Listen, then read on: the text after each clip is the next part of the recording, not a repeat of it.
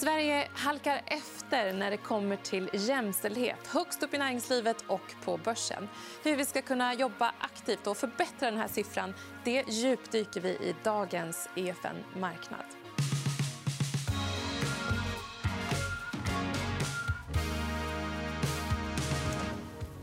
Med oss i studion eh, för att prata om den här eh, spännande frågan så har vi Turid Solvang som är vd och grundare till Future Boards. Och eh, med oss i studion har vi också vd för Företagarna, Günther Mårder. Du jobbar ju nära våra svenska företagare. Mm. Men först en personlig fråga. Har du själv blivit inkvoterad någonstans? Eh, aldrig till följd av lag, men jag tror att det har funnits kvoteringsmoment från den körvärld jag har vuxit upp som domineras väldigt mycket av kvinnor. och Då kommer man som man mycket lättare att kunna ta sig fram till följd av att det behövs män för att överhuvudtaget få till en klang. Så att inom körvärlden så tror jag säkert, inte lagstiftat, men det har varit lättare för mig där än för många andra kvinnor. En bra erfarenhet att få dela med dig av. Mm. Eh, och kanske också förstå känslan till de, eller de känslor som kan uppkomma vid kvotering, som det också diskuteras om. Eh, allra först vill jag vända mig till dig, Turid, eh, för att djupdyka i det här ämnet. Och då vill jag först och främst fråga... Liksom, för Det spännande är ju att se vad är det som händer i världen och vad är det som är mm. framgångsrikt. Så vilka länder är duktiga på det här och, och vad är det som händer där? Eh, det er helt klart at De landene som har innført kvotering, er jo de som eh, ligger foran eh, når det gjelder eh, andel kvinner eh, i styrene. Neste på listen er jo de som, hvor myndighetene pusher på, og, hvor man setter såkalte targets eller målsettinger. Og som også media og, en rekke kvinneorganisasjoner er med på å holde agendaen høyt i debatten, både i det offentlige rom, men, men også i, i styrerommene og i investorverden, ikke minst. Eh, hvis man skulle trekke fram land altså UK United Kingdom har, har vært god eh, på å pushe på, eh, på myndighetsnivå. Eh, og, og, de nådde jo da i fjor også denne eh, 30 target eh, som de hadde satt gjennom Hampton eh, Alexander Review. Eh, har jobbet en del med, med Singapore, hvor de startet på 6 eh, for ikke veldig mange år siden, eh, og nå eh, øker på. Og Det kommer også av, myndighetenes fokus på temaet. Så det er kanskje de to landene jeg ville trekke frem i diskusjonen her. Men, men eh, budskapet er eh, enten kvotering, det virker, det, det vet vi, eh, eller hold holde temaet høyt på agendaen. Snakk om det og gjør noe med det. Eh, är det framförallt styr på styrelsenivå då som du refererar till den här förändringen eh, i Singapore och så vidare? Eh, ja, men i, i England är det också på, på, på ledelsesnivå fordi også at styrene der består av både executive och non-executive directors, som är ulikt från vår nordiska governance-modell. Men, men, også i England så er fremgangen størst på de såkalte non-executive directors, som er å sammenligne med våre styrmedlemmar. Mm. En fråga som ofta följer i spåren av när man diskuterar kvotering. Vad känner mm. den inkvoterade? Eh, så att säga? Är, kommer man dit på meriter eller är det på, på kön eller eh, internationellt efternamn eller vad det må vara? Mm. Dette har varit ett av de stora argumenten emot eh, att införa kvotering. Och, och där kan vi bara visa till erfaringen i de land där vi faktiskt har har hatt det og har eh, uh, hatt det implementert, og hvor Norge er et av de land som har hatt det aller, aller lengst. Uh, eh, erfaringen var nok det at så snart man kom til styrebordet, så var man styremedlem og ikke en kvotert uh, kvinne. Jeg fikk mye telefoner den tiden fra særlig internasjonalt media. Har du forslag på en kvotert kvinne vi kan snakke med? Og den sa nei, det har jeg ikke, men jeg har forslag til kvinnelig styremedlem som du kan snakke med. Og, og, og det var også sånn eh, kvinner ble mottatt eh, rundt styrebordet. Så den vil jeg egentlig eh, ta livet av det argumentet eh, straks og med en gang. Det är inte farligt att vara kvotert. Mm. Om man då ser på en annan liksom, fråga som hela tiden eh, florerar i den här diskussionen så är det ju vinsten. Eh, hur, mm. Vad kan man dra för korrelation av jämställdhet och mångfald i de här börsnoterade eh, bolagen Mm. Är, det, är, det, är det faktiskt en korrelation? Ja, det er det jo flere studier eh, som viser. Men, men, det er jo vanskelig å vise det på enkeltselskapsnivå. Men på aggregert eh, nivå er det enklere å, å vise til det. Og, og, og man har jo eh, grundig research på at eh, si, eh, mangfoldige, sammensatte team eh, utfører jobbene bedre. Men så er det klart at det, det å, å exakt peke på ökning i børsverdi, økning i omsetning, ökning i, eh, i resultat, det kan vara vanskeligere. och, och särskilt på, på styrenivå. Eh, för hur stor impact har styrene på eh, akkurat disse, eh, disse parametrene. Så, så, det är et, det er et tveegget sverd. Eh, tjener vi mer pengar på det? Men, men, eh, det är klart att från ett, ett businessperspektiv så är det alltid lurt att ha flera, eh, flera stämmer in och flera olika ulike eh, mindsets eh, i styrrummen. Jag likte väldigt gott eh, sammanligningen med kor, eller kör som du säger. Alltså, för att få det till att låta bra, så måste du ha många olika stämmor. Det är det som får det till att, att spela gott samman. Mm. Eh, men om vi då kollar på vårt eget land här i Sverige. Vi mm. representerar jag Günther, eh, de svenska företagen. Och, eh, om man mm. ser på Sverige, Världsbanken har utnämnt oss till en av de mest jämställda länderna i världen från ett liksom, mm. ekonomiskt juridiska förutsättningar. Men samtidigt så, så ligger vi lite efter här. Och då, om vi tittar på styrelser då exempelvis. Vad kan, vi, vad, vad kan vi lära och vad ska vi ta med oss från det här samtalet? Eh, jeg blir litt overrasket når du sier det ligger etter de, de tallene jeg har sett, så, så ser det ikke helt, eh, helt slik ut. Eh, men, men, hvis du sier, sier det er sånn, så, så, er det vel det. det vi ser eh, altså Ja, i Norge vi hadde eh, kvotering for de børsnoterte selskapene. Det førte til 40% kvinneandel i styrene i disse selskapene. Det fikk ingen virkning på andel kvinner i toppledelse. Eh, og heller ikke eh, noe særlig innvirkning på selskaper som ikke er underlagt eh, kvoteringsloven. Så jeg tror eh, Hvis man skal lære noe, så, så er det igjen å, å, å, ha dette som et tema på eh, agendaen. Og, og, det er jo investorgruppene som velger hvem som skal sitte i styrene. Det har jo også Norge og Sverige ulik eh, Vi har ulik aksjonærstruktur. Eh, I Norge har vi stor eh, majoritetseierskap av staten i de største børsnoterte selskapene. Eh, det eh, har en stor påvirkning på sammensetningen av styrene, selvfølgelig. Eh, mens i Sverige er det flere eh, store familieeide grupperinger som som, står bak de største børsnoterte selskapene. Og det er klart, der, der er det jo kortere vei fra mål til beslutning og til action eh, enn det kanskje er der hvor, hvor staten er store. Så sånn sett så tenker jeg at dere har egentlig en, en mye eh, en større fordel og, og kanskje en, en, enklere ved å gå når eiergrupperingen har besluttet at dette er en god idé. Mm. Eh, jag kan tänka mig att många som tittar på det här är intresserade av att identifiera och hitta de där jämställda bolagen på börsen internationellt. Finns det något sätt att, mm. att identifiera de här bolagen?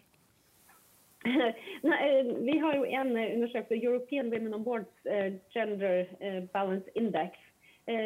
Den har sett på de 600 största selskapene, børsnoterte selskapene i Europa, og de disse. Så hvis du skal gå på europeisk nivå, så, så kan det være en bra indeks å se på. Jeg kjenner ikke til om, om det finnes tilsvarende indekser i, um, ellers i verden, men, men, det kan i hvert fall være et godt sted å, Eh, om man då tittar på... jag menar I Norge exempelvis så finns det ju ganska få kvinnliga vd på börsen. å andra sidan. Eh, mm. Där ligger ni lägre. Om jag, senaste siffran jag såg var 7-8% mot eh, i alla fall 10% som vi har i Sverige. Eh, vad säger du om... Ja. Vad, vad händer där? då? Jo, Det er jo en mye lengre eh, prosess. Når det gjelder styrene, så, er det mye lettere å, eh, å kvotere.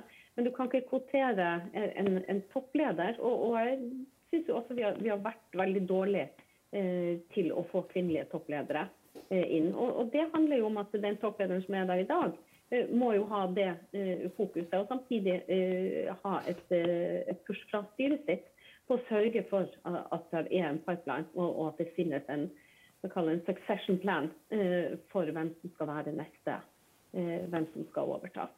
Mm. Så, eh, så, det er absolutt en bekymring, og vi ikke, vi er ikke gode. Vi ser noen positive tendenser, men, men det är inte godt nok. Mm. Tusen tack, Turid. Jag återkommer kanske till dig lite senare. men mm. lämnar över nu till Günther Mårder. Du representerar en gräsrotsrörelse av företag, Myllan kanske, när det kommer till svensk tillväxt. Eh, vad säger du om, om det som hon har lyft här? Det är en sak som jag reagerar på. Det är när vi kommer till diskussioner om studier. Om ett företag är mer lönsamt för att det är jämställt eller om det har en högre tillväxt eller liknande. Den där typen av rapporter är ganska populära att söka stöd ur för att argumentera för till exempel kvotering. Men jag tror att det är en väldigt farlig väg att gå. För att, vad skulle hända om det visade sig att nej, bolag som var helt styrda av män, både i styrelse och ledning, är de allra mest lönsamma? Ska vi då arbeta för att det bara ska vara män som leder bolag? Vi ska aldrig söka argumenten ur de ekonomiska talen. Det kommer marknaden själv att lösa. Utan det här handlar om en anständighetsfråga. Om vi tittar på ett, ett modernt samhälle år 2021 som ska vara demokratiskt och fritt och där alla ska få samma möjligheter. Om då kunskaper och färdigheter är jämnt fördelat mellan könen då borde det vara rimligt att det också är jämnt fördelat i olika typer av ledande befattningar oavsett var vi ser det. Så det handlar snarare om en anständighetsfråga än att söka stöd ur ekonomisk statistik för att säga att vi gör det här för att bolagen ska bli låt oss säga, mer lönsamma genom att vi, vi ska kräva kvotering. Men om vi då tittar på eh, liksom, den här marknadens sätt att ta sig fram och, och skapa jämställdhet så har det ju än så länge inte riktigt lyckats. Eh, marknadskraften har inte varit tillräckligt stark. Eh, hur länge ska det här få råda? så att säga? Nej, och det, det, har ändå gått relativt fort. Om vi börjar titta tillbaka på de senaste hundra åren och vad som har hänt. Och det är klart att vi inte vill sitta här och diskutera hundraåriga perspektiv. Men det är en dramatisk förändring som har kommit till stånd. Och om man då funderar framåt, kommer det här att lösa sig själv? Ja, det kommer det säkert göra, men det kommer ta alldeles för lång tid för att vi ska acceptera det. Det behövs olika typer av aktiva insatser för att påskynda en effekt som är nödvändig och som hör till en anständighet för samhället samhället. Men då är frågan vilken är vägen fram för att nå dit? Och där tror jag det viktigaste det är att komma med de goda exemplen, inspirera, att hela tiden medvetet arbeta för att synliggöra de personer som kommer att vara inspiratörer, förebilder för de som vi tänker från nästa generation ska kunna ta vid. Det är de absolut viktigaste insatserna. Där har ju vi och företagarna ett väldigt viktigt uppdrag. Är man Sveriges största företagarorganisation så kommer det en stor makt i att profilera vem är företagare i Sverige. I all vår kommunikation kan vi styra. Vilka är det vi visar upp? Vi har en medveten plan för att lyfta fram ett icke-representativt urval när vi tittar på företagandet i Sverige. Om vi tar vår medlemstidning till exempel så jobbar vi med att det ska vara 50-50 mellan män och kvinnor. I, i representation? I, i, i tidningen. Och, och det gäller i alla bildsättningar och det gäller i alla intervjuer.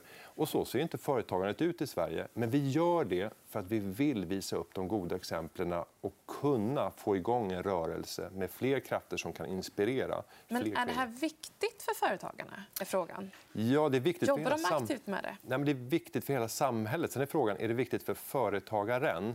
Nu företräder vi väldigt få börsföretagare. För att eh, det är ju de som äger och leder bolaget som är medlemmar i Företagarna. Eh, så att våra medlemmar är normalt sett väldigt små. Det är småföretagare. De tänker på sin verksamhet oavsett om man är en kvinna eller en man, om man är ung eller gammal, om man är född i Sverige eller utomlands. Så man tänker på sin egen verksamhet och sin egen verksamhetsutveckling. Och där tycker jag att det finns en helt annan medvetenhet när det kommer till att rekrytera och att få en mångfald i den rekryteringen och inte bara beroende av kön utan av alla dimensioner för att återspegla samhället. För ett framgångsrikt företag det är ett företag som kan ta sig an hela potentialen i samhället. Och då måste det återspegla hur det ser ut. Och där kanske vi har en ännu större utmaning idag med att ungefär var femte person i Sverige är utrikesfödd.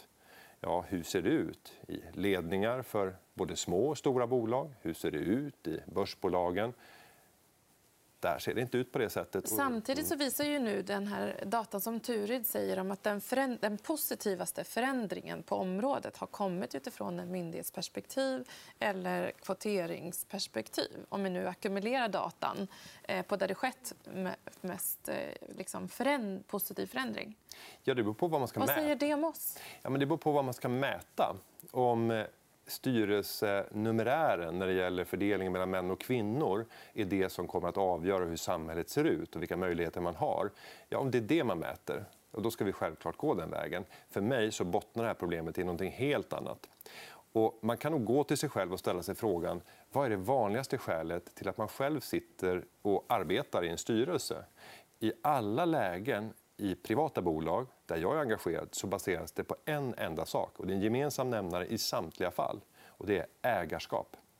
Och då kommer frågan tillbaka till ägandet. Och Då blir frågan mer komplicerad. För att Även om vi skulle komma till rätta med och kunna se att hela börsens styrelser är jämställda men ägandet fortfarande är fullständigt ojämställt så är grundproblemet inte löst. Men man har löst en effekt av det grundproblemet som finns i samhället. Mm. Ja, jag, jag hörde en, en, ett citat häromdagen om att eh, i Sverige så är vi villiga att ge väldigt mycket till kvinnor förutom kapitalet. Eh, och det är en spegling då av exempelvis riskkapitalet och möjligheten att skala upp eh, där 2% går till kvinnor. Men vad tror du liksom, att, att man behöver förändra rent i, i samhällsstrukturen för att eller behöver man förändra någonting för att få den här marknaden att röra sig snabbare framåt? De viktigaste effekterna kommer komma när vi går till grundutmaningen. Och det är att det är för lågt ägande bland kvinnor och det är för lågt företagande. De måste vi komma åt. Och vad handlar det här om? Jag skulle vilja säga att det kokar ner till en faktor och det är risktagande. Ju mer risk man står beredd att ta, desto mer sannolikt är det att du kommer att investera pengar i riskfyllda projekt och därmed ha potentialen att bli stor ägare och sen också få styrelserepresentation. Nästa det är ju att hög risk ja, det leder ofta till att man står beredd att starta företag. Så vi måste få in en kultur i Sverige där vi tar mer risk. Och då är frågan, är det, är finns det en könsdimension på det här? Och det vill inte jag tro. Men det finns normer i samhället som gör att vi fostras olika och då går jag tillbaka till pojkar och flickor. Redan från tidiga år så vill jag hävda att det finns en skillnad i hur vi fostrar i förhållande till risktagande när vi ser på skillnader i uppfostran mellan, mellan pojkar och flickor. Redan där tror jag att det börjar om vi ska komma upp åt de riktigt långsiktiga effekterna. Men hur tror du att ägarna då på börsen eh, påverkar de börsnoterade bolagen eh, när det kommer till eh, jämställdhet och så vidare? Och hur lång tid... Jag menar, den typen av större ägande tar ju tid att förändra. Ja, I de allra största bolagen så är det ett mindre problem egentligen att komma åt det. för att Där är ju ägandet så spritt. så Du kan inte peka på att de som utgör styrelse är där på grund av att de är så stora ägare. Ofta så är det ju ett ansiktslöst ägande. Det är stora institutioner och framförallt pensionspengar som äger de här bolagen. Och där finns både män och kvinnor. Eh, så att jag tror att det är lättare att komma åt och skapa jämställdhet i de företagen där du inte har en stark ägare som eller ett antal få starka ägarkonstellationer som vill ha sin representation i styrelsen och där man är beroende av att ja, antingen så är man kvinna eller man. Sen har vi något spännande som håller på att hända i Sverige. och det är ju att Flera av de starkaste kapitalägarna och största kapitalägarna under de senaste decennierna börjar nu lämna över sina imperier till en ny generation av kvinnor. Vi ser det i Stenbecksfären, vi ser det i Lundberg, vi ser det i Schörling. Så några av de absolut största kapitalägarna i Sverige kommer, om vi tittar om tio år, att vara just kvinnor. Vi får följa upp den siffran eh, om de där tio åren eh, för att se. Och vi hoppas att det har skett en, en, stor förändring fram till dess. Jag gjorde faktiskt så att jag slängde ut en tråd på Twitter för att kolla hur, hur det här mottogs. Och jag ska säga det att eh, jag har en, en, majoritet av manliga följare på Twitter om man jämför mot Instagram. Eh, där jag fick ett helt annat resultat. Men så här såg det ut på Twitter. Och på Instagram så, så var det faktiskt runt 50-50. Så att kvinnorna är mycket mer för kvotering Eh, och det kan man ju också djupdyka i. Men vad säger du, Tyre? Tillbaka till dig här nu. Jag har fått höra en annan företagarrepresentant kommentera. Ja, jag har väldigt många, många kommentarer till, till det som eh, vi har hört nu. Eh, vi har ju hört i många år om vad, vad kvinnor måste göra. Kvinnor måste ta mer utdannelse, de måste eh, göra sig synliga, de måste välja de riktiga positionerna och de måste till och med gifta sig med den riktiga mannen för att, att komma eh, i position, i, i ledarpositioner och, och styreposition i näringslivet. Mitt fokus har hela tiden varit eh, vad kan eh, investorerna och styrena och dagens toppledare göra? Vad är ansvaret till de som faktiskt sitter med makten och, och som kallar nyckeln eh, till styrerummet och till toppetasjerna. Vad, är rollen denna? Och vi ser ju också nu, som det norska oljefondet, Norges Bank Investment Management, eh, som eh, nu säger att de kommer att stämma mot eh, styrer som inte har eh, en viss andel kvinnor eh, i styrena. Och det är klart att de stora investerare som, eh, som oljefondet eh, globalt eh, begynner å, å, ta tak i, i, det temaet, så vil også andre investorer eh, følger etter. Og, og, jeg velger å bruke begrepet investorer og, og, og ikke eiere. Eh, fordi at man, man, man, eh, eh ja, man, man, eier en aksje, man eier jo ikke nødvendigvis eh, hele selskapet. Eh, så, så, det er en, eh, en dimensjon av det. Du sier også at det, det er en anstendighetsspørsmål. og, og det er det også.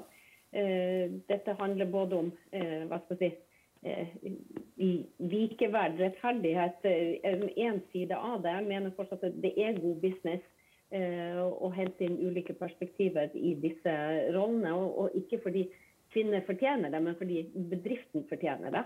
Og så handler det også om å, utnytte samfunnets eh, ressurser og, og, og, de ressursene som man har brukt for å utdanne Eh, kvinner. At man faktisk tar den i bruk der beslutningene eh, Eh, tas i næringslivet.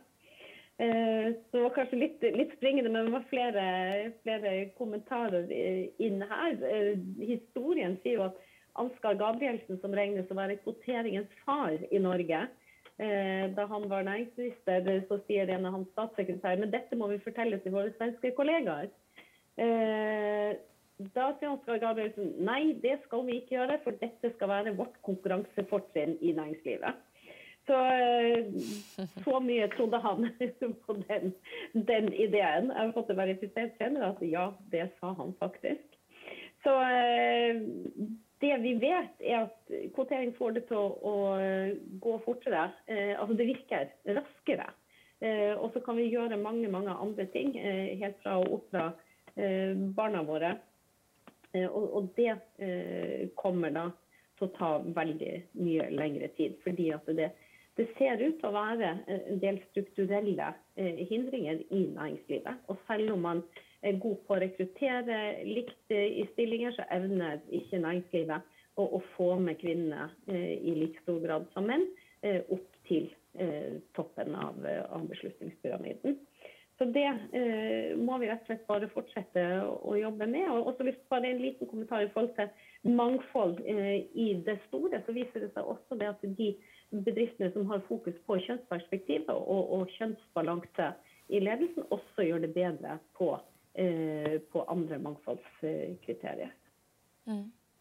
Tack så jättemycket, Turid. Jag, jag vill också lyfta ytterligare en aspekt. faktiskt. Och det har att göra med Eh, eh liksom vilken typ av arbete som... Om man då väljer in exempelvis kvinnor i, i ledningsgruppen så, så att säga, så, så kanske man... Ja, det blir naturligt. HR, marknad och så vidare. Någon refererar till the pink ghetto, har jag hört. Eh, att liksom kvinnor ofta fastnar där och sen inte kommer vidare till den här eh, CEO CFO-rollerna som sen oftare leder upp till styrelseposter eh, och så vidare. Vad tänker du? Har du, har du någon kommentar runt det? Nej, men vi kan väl konstatera att det ofta ser ut så. Det är på personalfrågor där är en kraftig dominans eh, i toppen. Det är en helt annan eh, jämställdhet på de posterna i ledningar, även när det gäller kommunikativa delar.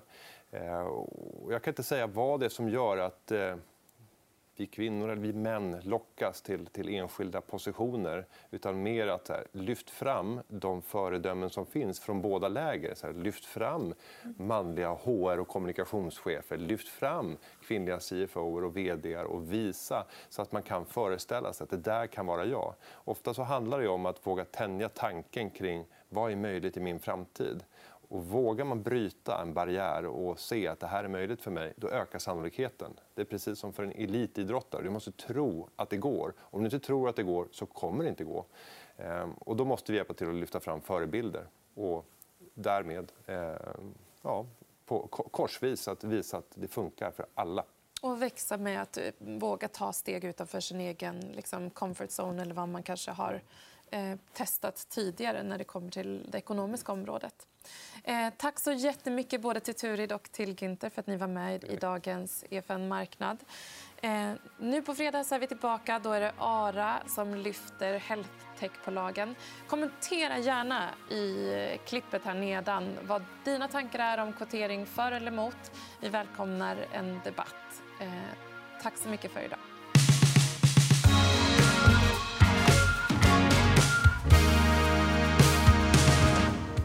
EFN Marknad är en podcast från EFN Ekonomikanalen. Ansvarig utgivare är Anna Fagerström. EFN finns även som app.